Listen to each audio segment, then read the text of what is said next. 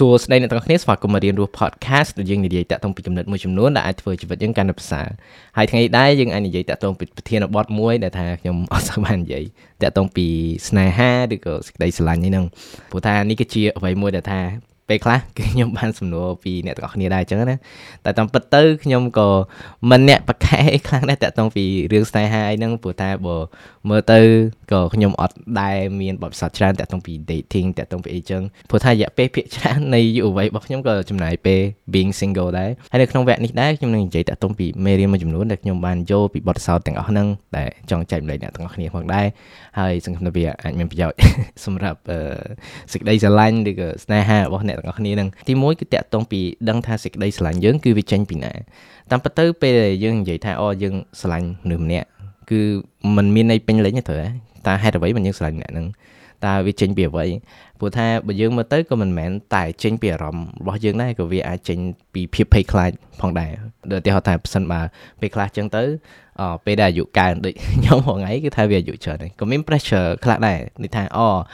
ឃើញមិត្តភក្តិការអឬក៏មានបងប្អូនមិត្តភក្តិសួរដែរថាអថ្ងៃណាការមានសង្សារនៅអីអីចឹងហើយទាំងអស់ហ្នឹងវាបង្កើតជា pressure ពេលខ្លះគឺថាការស្រឡាញ់របស់យើងទៅលើមនុស្សម្នាក់ឬក៏យើងចង់រកដៃគូហ្នឹងក៏វាចេញពីភាពភ័យខ្លាចដែរហើយភាពភ័យខ្លាចទាំងអស់ហ្នឹងក៏វាជាអ្វីមួយដែលថាប៉ះពាល់តាក់ទងពីជំរឿរបស់យើងក្នុងការរើសដៃគូផងដែរជាពិសេសដៃគូរៀបការចុះហើយបើយើងមើលទៅសង្គមយើងគឺថាសម្ពាធនេះគឺមានច្រើនមែនតើហើយសម្ពាធនេះគឺវារៀបរៀងយើងក្នុងការធ្វើការសម្រេចចិត្តមួយដែលថាល្អក្នុងការរើសដៃគូហើយខ្ញុំគិតថាជាពិសេសហ្មងនិយាយទៅបើយើង dating គឺថាអូបើយើងអត់ត្រូវយើងអាចអឺលាគ្នាបានឬក៏បែកបាក់គ្នាបានយើងអាចរកដៃគូថ្មីគាត់អាចរកដៃគូថ្មីប៉ុន្តែបើសិនបើជាអភិភិភាគឺវាជាអ្វីមួយដែលថាធំមែនតើ ព្រោះថាយើងនឹងអាចថានឹងរស់ជាមួយមនុស្សម្នាក់ហ្នឹងមួយជីវិតទៅហើយរកការបែកបាក់អីក៏វាមិនមែន simple ដែលយើងអាចនិយាយថាមានកូនមានអីអីចឹងវាថាវា messy មែនតើហើយជំរឿបែបបែបហ្នឹងយើងត្រូវគិតមើលអ្វីឆ្ងាយតើខ្ញុំស្រឡាញ់ម្នាក់ហ្នឹងចេញពីអ្វីចេញពីបេះដូងយើងចេញពីភាពភ័យខ្លាចឬក៏ចេញពីសម្ពាធផ្សេងផ្សេងហើយបើយើងដឹងទាំងអស់ហ្នឹងខ្ញុំគិតថាយើងអាចមើលឃើញតើតុងពីសេចក្តីស្រឡាញ់យើងច្រើនជាងមុនព្រោះថាបើយើងមើលទៅអារម្មណ៍សូម្បីតែអារម្មណ៍នៃការស្រឡាញ់ហ្នឹងថាយើង feel attracted ទៅលើមនុស្សម្នាក់ហ្នឹងក៏វាស្មុគស្មាញដែរក្នុងការបកស្រាយទៅលើអញ្ចឹងយើងត្រូវយល់ដឹងថាអារម្មណ៍ដែលយើងមានដែលជំរុញឲ្យយើងមានអារម្មណ៍បែបហ្នឹងទៅលើមនុស្សម្នាក់ហ្នឹងតើវាចេញពីណា វាចេញពីអ្វីមួយដែលល្អដូចថា empowering art ដែលថាវា authentic art ឬក៏វាចេញពីភាពភ័យខ្លាចអីចឹងហើយតាក់ទងពីចំណុចហ្នឹងដែរក៏វាមិនតាក់ទងពីភាពភ័យខ្លាចដែរពីមុនមកបើយើងមើលទៅប្របីនៃលើពិភពលោកជំនាញហ្មងគឺថា ការ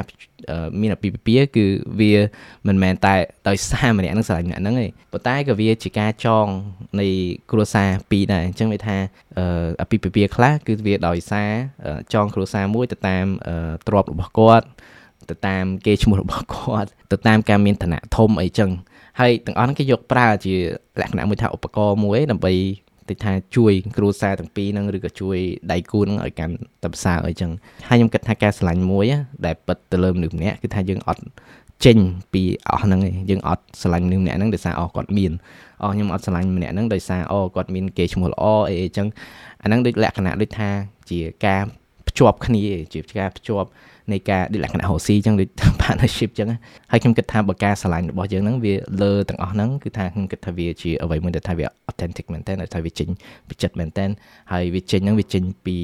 អារម្មណ៍មួយដែលថាល្អដែលថាយើងមានទៅលើមនុស្សម្នាក់ហ្នឹងហើយមេរៀនទី2គឺថាជាមេរៀនមួយដែលថាខ្ញុំគិតថាសំខាន់សឹងតែសំខាន់ជាងគេហ្មងមើលទៅគឺថាកុំបោះបង់ខ្លួនឯងចោលដោយសារយើងមានមនុស្សម្នាក់ដែលថាយើងស្រឡាញ់ហ្នឹងព្រោះថាពេលខ្លះយើងស្រឡាញ់មនុស្សម្នាក់ឬក៏យើងចង់បានសេចក្តីស្រឡាញ់ពីមនុស្សម្នាក់គឺយើងត្រូវក្បត់ខ្លួនឯងមានន័យថាយើងត្រូវធ្វើអ្វីមួយចំនួនដែលវាខុសពីចំណង់របស់យើងឬក៏យើងធ្វើអ្វីមួយចំនួនដែលវាខុសពីគោលដៅនៃជីវិតរបស់យើងគឺថាយើងបានបោះបង់ច្រើនមែនតើតកតងពីអ្វីដែលធ្វើឲ្យខ្លួនយើងជាខ្លួនយើងហើយខ្ញុំនិយាយនេះមិនមានន័យថាការដែលយើងស្រឡាញ់មនុស្សម្នាក់យើងគួរបោះបង់អ្វីសោះទេតាមពិតការចេះប្រែប្រួលលក្ខណៈថា adapt ទៅលើ relationship របស់យើងហ្នឹងគឺជាអ្វីមួយដែល វាល្អដែលថាវាជួយឲ្យ relationship ហ្នឹងវាទៅមុខប៉ុន្តែយើងអាចផ្លាស់ប្ដូររាល់អ្វីគ្រប់យ៉ាងទេដែលថាធ្វើឲ្យខ្លួនយើងជាខ្លួនយើងត្រូវយើងត្រូវតែយល់ដឹងថាមានអ្វីខ្លះដែលថាយើងអាចចរចាគ្នាបានឬក៏អាចផ្លាស់ប្ដូរបានហើយអ្វីខ្លះទៀតដែលថាវាសំខាន់មែនតើដែលថាយើងនឹងមិនផ្លាស់ប្ដូរដោយសារតែទាំងអស់ហ្នឹងវាជា value របស់យើងឬក៏ជាអ្វីមួយដែលសំខាន់សម្រាប់ជីវិតរបស់យើងអានេះតាម relationship ចាស់ខ្ញុំមួយអញ្ចឹងខ្ញុំធ្លាប់ date ជាមួយនឹងមនុស្សម្នាក់ថាគាត់ very specific មែនតើតាក់ទងពីថាអូខ្ញុំគួរស្លៀកពាក់លបែបម៉េចស្លៀកពាក់បែបម៉េចបងគាត់ស្រឡាញ់ឬក៏កាត់សក់បែបម៉េចមុតសក់ម៉េចបងគាត់ស្រឡាញ់ហើយទាំងអស់ហ្នឹងខ្ញុំថាវាសាំញ៉ាំហើយខ្ញុំអត់ចូលចិត្តខ្វល់ច្រើនតាក់ទងពីដូចថា appearance របស់ខ្ញុំដូចថ្ងៃស្លៀកពាក់ខ្ញុំមិនទៅខ្វល់អីច្រើនទេប៉ុន្តែគឺថាខ្ញុំតាមគាត់ខ្ញុំតាមគាត់ព្រោះថាតែសារអីអូយើងស្រឡាញ់គាត់យើងចង់ឲ្យគាត់នៅស្រឡាញ់យើងហើយ យូរយូរទៅគឺថាខ្ញុំមានអារម្មណ៍ថាខ្ញុំកាន់តែមិនមែនជាខ្លួនខ្ញុំទៀតហើយហើយយើងត្រូវមើលដែរតាក់ទងពី mature relationship មួយចំនួនណាដែលថាវាមានភាពចាស់ទុំគឺថាវាជារឿងធម្មតាមែនតើដែលថាពីរនាក់គាត់ហ្នឹងគឺថាដៃគូហ្នឹងគឺគាត់ចេះបញ្ចេញបតិចេះប្រឆាំងគ្នាចេះមានចំនួនខ្លះមិនមែនមានន័យថាដៃគូពីរនាក់បើគាត់មានចំនួនគឺថាមិនមែនជាអ្វីមិនល្អតាមពិត ចំនួនមួយចំនួនក៏វាល្អដែរព្រោះថាយើងបានលើកឡើងថាតើអ្វីដែលយើងយល់ស្របនិងមិនយល់ស្របប៉ុន្តែពេលខ្លះគឺយើងអត់ហ៊ានលក្ខណៈឆ្លោះឬក៏ជំទាស់ទៅលើអ្វីមួយទោះបីជាវាអ្វីដែលសំខាន់សម្រាប់យើងមែនព្រោះថាតែសារអីយើងខ្លាចគេខឹងគេជប់ស្រឡាញ់យើងទៅហើយនេះគឺជាអ្វីមួយដែលថាយើងត្រូវរៀនឈរនៅក្នុង relationship មួយបើមិនចឹងទេគឺយើងចាប់ផ្ដើមយូរយូរទៅគឺថាយើងធ្វើឲ្យខ្លួនយើងខ្លាចជាមនុស្សម្នាក់ដែលថាយើងមិនមែន ហើយវាអាច work នៅក្នុងរយៈពេលខ្លីប៉ុន្តែ នៅក្នុងឧទាហរណ៍បើសិនបើ relationship ទៅមុខហើយវាខ្លាចជាពីពីហើយយើងនៅជាមួយអឺម្នាក់ហ្នឹងគឺថា20 30 40ឆ្នាំហើយក្នុង40 40ឆ្នាំហ្នឹងគឺថាយើងអត់ដែរឬក៏អាចធ្វើអ្វីដែលថាយើងស្រឡាញ់ឬក៏យើងអត់អាចធ្វើការងារដែលយើងចូលចិត្តឬក៏យើងអត់អាចបង្ហាញខ្លួនយើងនៅក្នុងរបៀបមួយដែលថាយើងចង់បង្ហាញ នេះគឺថាជាការរៀបរៀងខ្លួនឯងមែនតើហើយមួយទៀតគឺថាខ្ញុំអត់ចូលចិត្តមែនតើនៅការនិយាយបែបដូចថាអូបងជារបស់អូនឬក៏អូនជារបស់បងហើយបើស្ដាប់មកទៅគឺថាដូចជាមនុស្សគឺជារបស់ដែលថាយើងអូខ្លាយជារបស់មនុស្សម្នាក់ហើយមនុស្សម្នាក់ជាម្ចាស់យើងហើយយើងមិនម្ចាស់ខ្លួនឯងការដែលយើងស្រឡាញ់មនុស្សម្នាក់យើងត្រូវបោះបង់ខ្លួនឯងយើងត្រូវលក់ខ្លួនយើងឲ្យគេមែនហើយខ្ញុំអត់ចូលចិត្តបែបហ្នឹងទេព្រោះថាខ្ញុំគិតថា ការស្រឡាញ់មនុស្សម្នាក់ការដែលយើងនៅជាមួយមនុស្សម្នាក់ហ្នឹងគឺមានន័យថាយើងទទួលយកគាត់ជាគាត់ហើយអ្វីមួយទៀតគឺថាយើងជួយគាត់ឲ្យខ្លាយជាខ្លួនគាត់កាន់ប្រសើរខ្លាយជាមនុស្សម្នាក់កាន់ប្រសើរមិនមែនថាយើងរំពឹងទុកថាគាត់នឹងធ្វើអីតាមយើងរហូតទេឬក៏គាត់គឺជាឧបករណ៍នៃការធ្វើអ្វីផ្សេងផ្សេងដែលថាយើងចង់បានហើយខ្ញុំគិតថាវាមិនមែនជាការស្រឡាញ់ពិតមែនទេខ្ញុំគិតថាការស្រឡាញ់គឺមិនមែនការចាត់ទុកថាមនុស្សម្នាក់គឺជាឈ្នន់ទេថា អូខ្ញុំស្រឡាញ់គាត់ព្រោះគាត់នឹងធ្វើអីឲ្យខ្ញុំខ្ញុំគិតថាការស្រឡាញ់គឺថាការដែលយើងបង្ហាញការស្រឡាញ់គឺវាចប់តំណឹងហើយមិនមែនថាខខ្ញុំធ្វើល្អដាក់គាត់អស្អែកគាត់នាំខ្ញុំដើរលេងឬក៏ខ្ញុំធ្វើល្អដាក់គាត់ស្អែកគាត់ដើរលេងមួយខ្ញុំអញ្ចឹងគឺថាយើងអត់គួរណាបោះបង់តាក់ទងពីតម្លៃខ្លួនយើងមិនមានន័យថាការដែលយើងស្រឡាញ់មនុស្សម្នាក់យើងត្រូវបោះបង់ខ្លួនឯងចោលយើងត្រូវបោះបង់ក្តីសង្ឃឹមរបស់យើងឬក៏គោលដៅរបស់យើងឬក៏ passion របស់យើងឡាក់នឹងឡាក់គឺថា វាមិនមែនជាអ្វីមួយដែលថាគួរណាតែជាបែបហ្នឹងខ្ញុំគិតថាការដែលយើងមានមនុស្សម្នាក់ថាស្រឡាញ់ហើយជាពិសេសវាជាការស្រឡាញ់មួយពិតវាជាអ្វីមួយដែលនឹងជំរុញយើងឲ្យយើងខ្លាចជាមនុស្សម្នាក់កាន់តែល្អជាជាងខ្លាយជាវត្ថុអីមួយអញ្ចឹងទី3គឺថារៀនស៊ាំតាក់ទងពីការសន្ទនាឬការភាសាមួយចំនួនដែលថាវាពិបាកហើយនេះគឺជាអ្វីមួយដែលថាខ្ញុំបានលើកឡើងមុននឹងដែរគឺថា healthy relationship มันមានន័យថាអត់មានចំនួនសោះហើយតាមពិតការដែលយើងអត់មាន ចំនួនសោះក៏បង្ហាញថាថា relationship យើងវាអត់ល្អព្រោះថាវាអាចពេលខ្លះគឺថាយើងមានរឿងនិយាយឬក៏ការចំទាស់ច្រើនមែនតែតែយើងទុកក្នុងចិត្តយើងអត់ហ៊ាននិយាយវាឡើងឬក៏ពេលដែលយើងនិយាយវាឡើងហ្នឹងគឺថាយើងអត់ដឹងថានិយាយបែបម៉េចព្រោះថាការនិយាយទាំងអស់ហ្នឹងជាពិសេសគឺអ្វីដែលថាវាទៅចិត្តយើងយើងលើកមកមកគឺថាវា ជាអ្វីមួយដែលតាក់ទងពីអារម្មណ៍ ហើយការបញ្ចេញអារម្មណ៍ការអីហ្នឹងក៏វាធ្វើឲ្យដូចថាបរិយាកាសវាស្មុគស្មាញហើយ conversation ពិបាកអីចឹងហើយខ្ញុំគិតថាតាមពិតទៅនេះគឺជាអ្វីមួយដែលថាយើងគួរមានអានេះដូច clear មួយរបស់ Brené Brown ហ្នឹងគឺថាភាពសុខនៃជីវិតរបស់យើងគឺវាទៅតាមថាយើងហ៊ានមាន នៅការសន្ទនាពិបាកពិបាកប៉ុន្មានអានេះដូចឧទាហរណ៍អ្វីមួយដែលថាអាច uncomfortable ដែររវាងដៃគូពីរនាក់គឺថាណាគេអ្នកចេញលុយពេល dating ហ្នឹងហើយបើយើងមើលទៅគឺថា conversation ជាច្រើនអឺដែលទៅតាមអារម្មណ៍របស់យើងឬក៏ទៅតាមប្រធានបទមួយចំនួនដែលពិបាកដូចជាពិសេសគឺរឿងលុយកាក់ហ្មងគឺបើយើងអត់និយាយពីវាក៏វាពិបាកដែរអានេះយើងអាចមើលមួយទៀតដល់ទៀតថាតាក់តងពីអាពាហ៍ពិពាហ៍ចុះពេលដែលដៃគូគាត់ សម្រាប់ចិត្តថាគាត់មានអាពាហ៍ពិពាហ៍តើគាត់បាននិយាយគ្នាហើយនៅតាក់ទងពីរឿងលុយកាក់ដល់ឧទាហរណ៍ក្រងតាក់ទងពីចំណាយនៃពេលអនាគតពេលការហើយយើងត្រូវធ្វើអីយើងត្រូវទិញផ្ទះឬក៏ទិញឡានឬក៏យើងទុកសិនឬក៏យើងយកវាទៅរកស៊ីឬក៏យ៉ាងម៉េច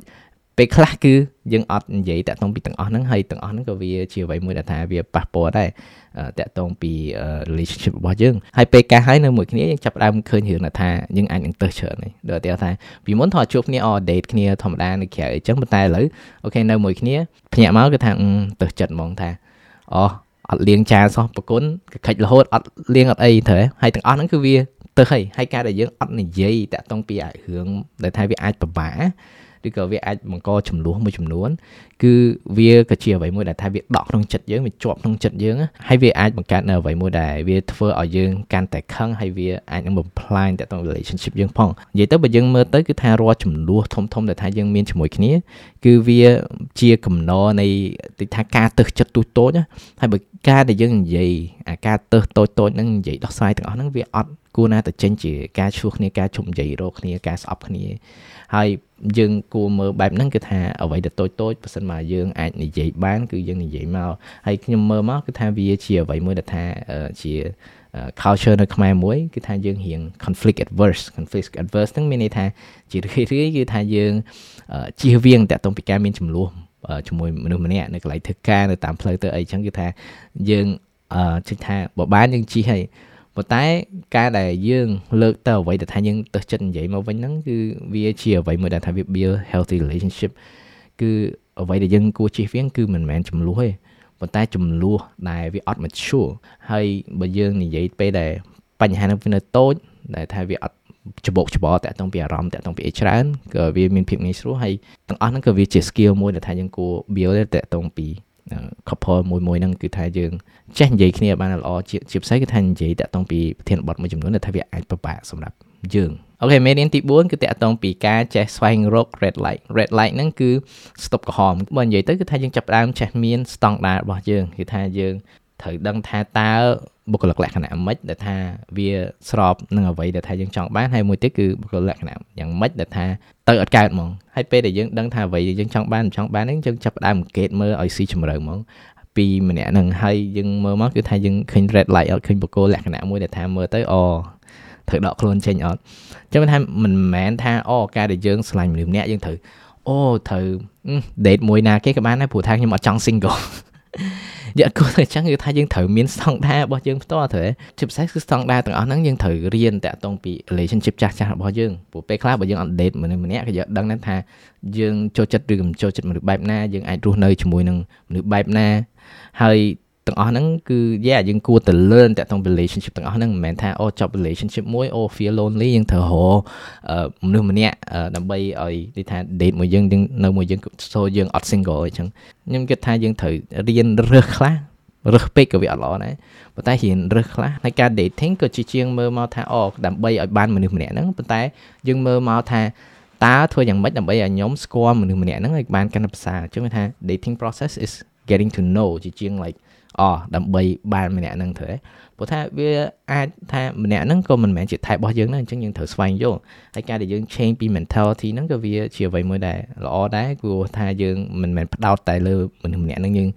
ចាត់ទុកគាត់ថាជាវត្ថុដែលថាយើងចង់បានប៉ុន្តែ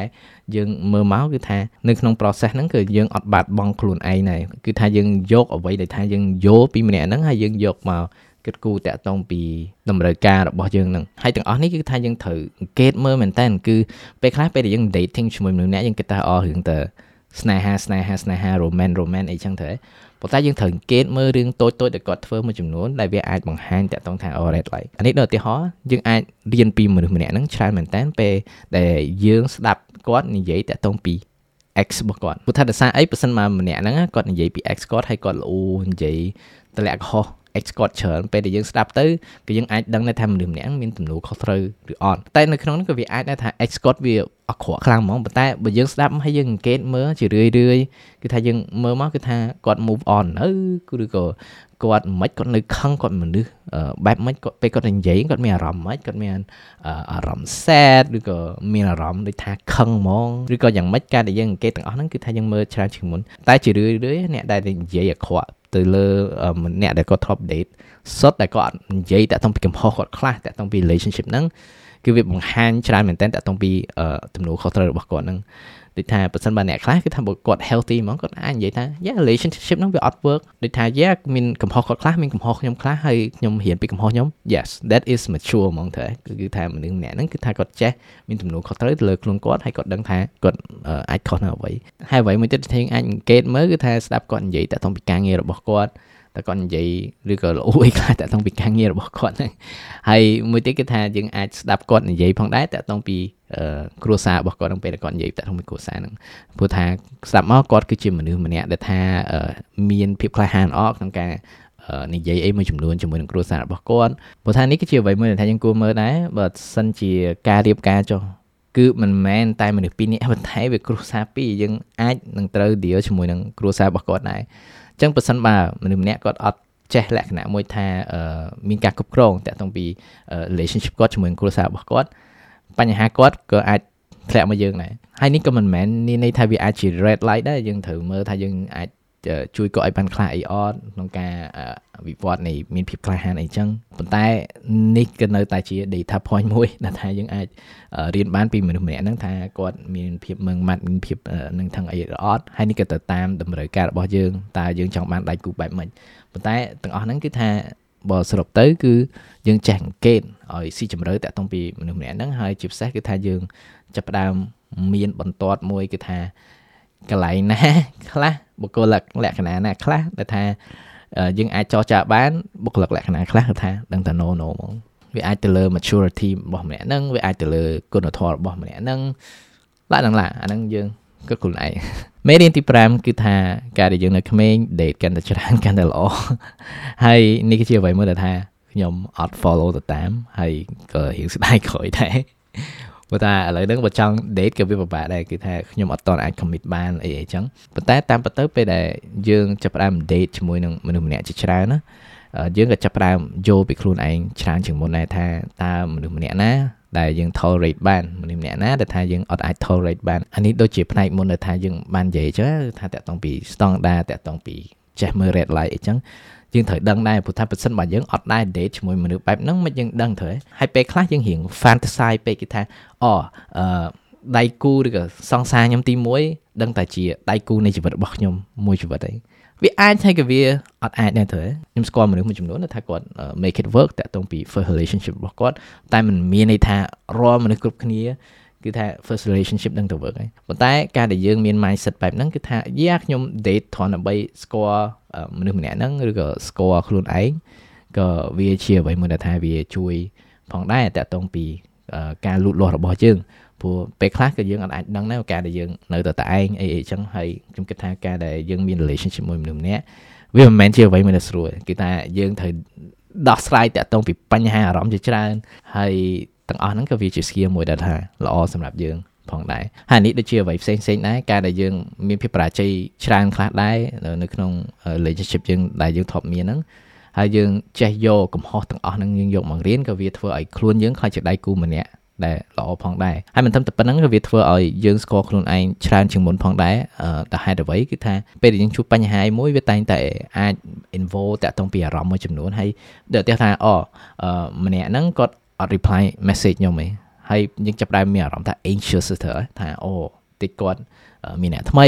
អីចឹងការគិតទាំងអស់ហ្នឹងតែពិតអាទាំងអស់ហ្នឹងគឺជាអ្វីមួយដែលថាយើងអាចយកមកសិក្សាពីលើខ្លួនឯងផងដែរថាអូហេតុអីខ្ញុំ panic មែនហេតុអីបានខ្ញុំគិតអញ្ចឹងឬក៏ពេលមនុស្សម្នាក់ហ្នឹងគាត់ខឹងហើយយើងជាមនុស្សម្នាក់មួយដែលថាស្ងប់ស្ងាត់យើង peaceful មែនតើហើយពេលគាត់ខឹងយើងថាមានអារម្មណ៍អូយដូចពិបាកក្នុងចិត្តថាអញ្ចឹងហ្នឹងត្រូវហើយអារម្មណ៍ហើយជាមួយនឹងការគិតទាំងអស់ហ្នឹងតូចតូចមែនប៉ុន្តែបើយើងយកមក គិតយកមក reflect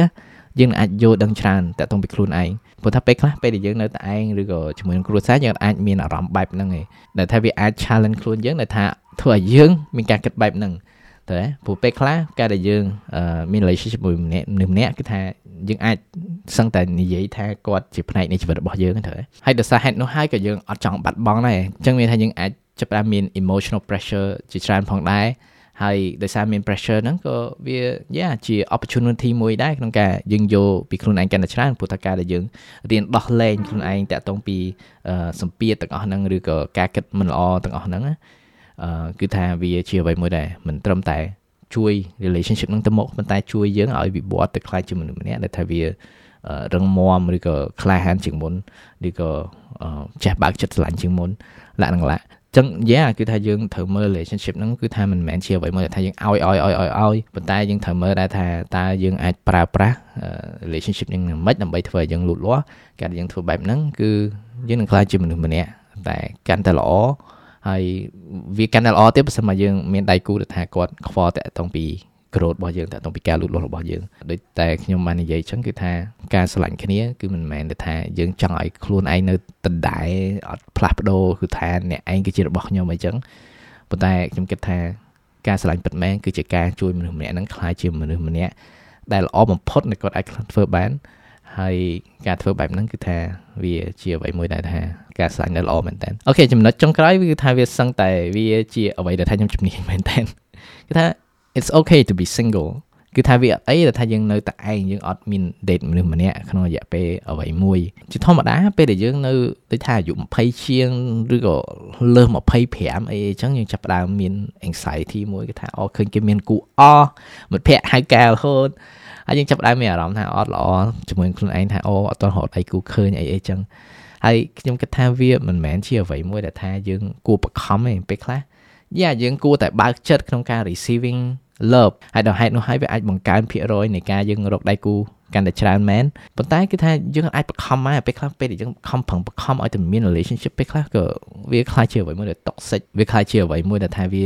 ទាញយើងចុះក្រោមវិញវាដូចជាពេលខ្លះអញ្ចឹងយើងដឹងថា relationship ហ្នឹងវាអត់ work សម្រាប់យើងហើយយើងកំពុង dating ហ្នឹងប៉ុន្តែយើងអត់ចង់ single ចឹងយើងនៅត្រត្រង់យើងនៅទ្រាំពិបាកនឹងទាំងអស់ហ្នឹងហើយខ្ញុំគិតថាពេលខ្លះយើងត្រូវចេះ let go យើងត្រូវបោះបង់ចោលព្រោះថាការបើយើងអត់បោះបង់ចោលនៃ relationship មួយគឺយើងអាច welcome តាក់ទងពី relationship មួយថ្មីហើយជាពិសេសគឺថា welcome នៃជីវិតរបស់យើងមួយថ្មីដែរព្រោះថាបើ relationship ខ្លះគឺថាគាត់ consume ជីវិតយើងហ្មងហើយខ្ញុំគិតថាពេលដែលយើង single ក៏វាមិនមែនជាពេលមួយដែលថាមិនល្អទេបើថាខ្ញុំវិញគឺថាក្នុងរយៈពេល10ឆ្នាំមុនគឺថា75ទៅ80%គឺថាអត់ dating ពីណាគេសោះហើយខ្ញុំគិតថាទាំងអស់ហ្នឹងក៏វាជាអ្វីមួយដែលថាវាធ្វើឲ្យខ្ញុំសប្បាយចិត្តមួយយ៉ាងដែរ ព្រោះថាដោយសារអីគឺថាខ្ញុំបានចំណាយពេលជាមួយខ្លួនឯងច្រើនមែនតើហើយខ្ញុំយកពេលទាំងអស់ហ្នឹងខ្ញុំមកគិតតាក់ទងពី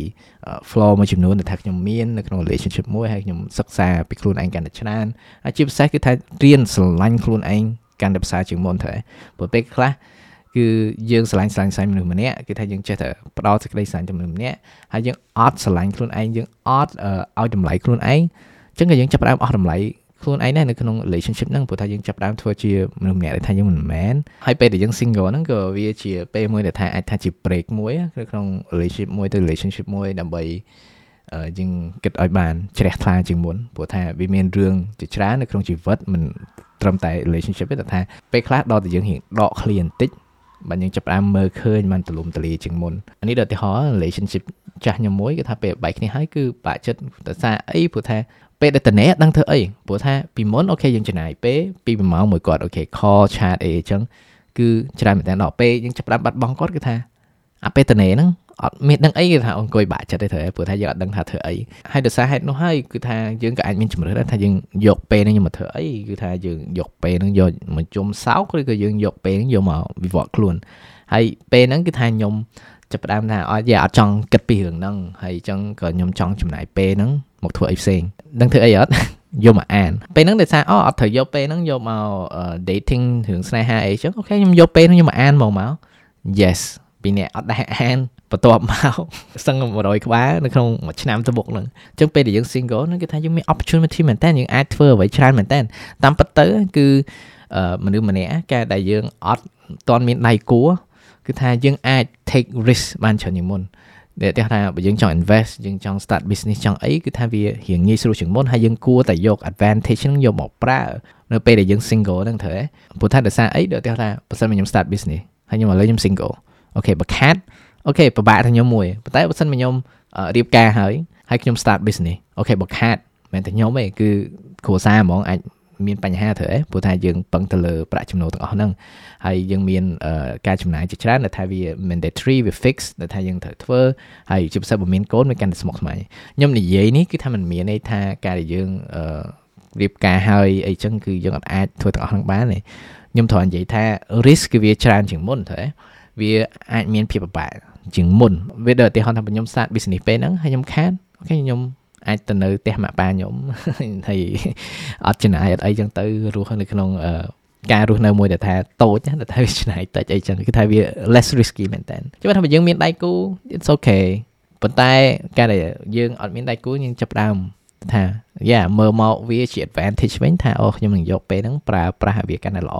ហើយក្នុងអំឡុងពេលដែលយើងបើកចិត្តកាន់តែទលាយក្នុងការ receiving love ពីអ្នកដទៃចឹងថាពេលណាយើងយើងរកឃើញ yeah it work ប៉ុន្តែយើងក៏អត់បខំដែរមិនមែនថាយើងហក់ពី relationship មួយទៅ relationship មួយដែលថាយើងមាន anxiety ថាយើងអត់ចង់ single yeah ដូចចំពោះខ្ញុំ being single is amazing ប៉ុន្តែកុំ being single ដែលថាយើងវា try out មកអូខេនេះគឺជាមេរៀនមួយចំនួនតាក់ទងពីស្នេហាមិនដឹងទៅស្នេហាស្ដីស្រឡាញ់ឬក៏អីមិនទេគឺថាបើសរុបទៅគឺថាយើងចាប់ផ្ដើមយល់ដឹងឲ្យកាន់តែស៊ីជម្រៅថាសេចក្តីស្រឡាញ់យើងវាចេញពីណា វាចេញពីអារម្មណ៍មួយល្អឬក៏ចេញពីមហិច្ឆតាអីមួយដែលថាយើងចង់បានអ្វីមួយពីម្នាក់ហ្នឹងទីពីរគឺថាយើងកុំបោះបង់ចោលខ្លួនឯងដោយសារតែយើងឃើញមនុស្សម្នាក់ដែលថាយើងស្រឡាញ់គឺថាយើងត្រូវចេះឲ្យតម្លៃខ្លួនឯងខ្លះយើងត្រូវចេះឈរឲ្យរឹងមាំតាក់ទងពីអ្វីដែលថាយើងឲ្យតម្លៃហ្នឹងមិនមែនថាយើងស្រឡាញ់មនុស្សម្នាក់ហើយគឺថាយើងតក់ខ្លួនឯងចោល ព្រោះថាយើងចាប់ផ្ដើមខ្លាយជារបស់មនុស្សម្នាក់អីចឹងទី3គឺថាចាប់ផ្ដើមមានភាពក្លាហានជាងមុនក្នុងការនិយាយទៅលើអ្វីដែលថាវាអាចពិបាកព្រោះអ្វីដែលយើងគិតថាពិបាកហ្នឹងរយៈធាននិយាយហ្នឹងបើសិនបើយើងអត់និយាយវាអាចកាន់ពិបាកទៀតហើយព្រោះថាវាជាកំណោមួយដែលថាកកកកខ្លាយជាចំនួនតែវាអាចជិះវៀងបានសោះហ្នឹងហើយយ៉ាវាសំខាន់មែនតើថាយើងរៀននិយាយតាក់ទងពីអ្វីដែលពិបាកទាំងអស់ហ្នឹងព្រោះថាវាជា skill មួយដែលថាវា build healthy relationship ដែរទី4គឺថាចាប់ផ្ដើមចេះអង្កេតនៅក្នុង relationship របស់យើងហើយជាពិសេសស្គាល់ថាអ្វីទៅជា red light ហ្នឹងដែលថាយើងគួរជៀសវាងគឺថាមើលនៅក្នុង dating process ហ្នឹងគឺជាការស្វែងយល់មនុស្សម្នាក់ហ្នឹង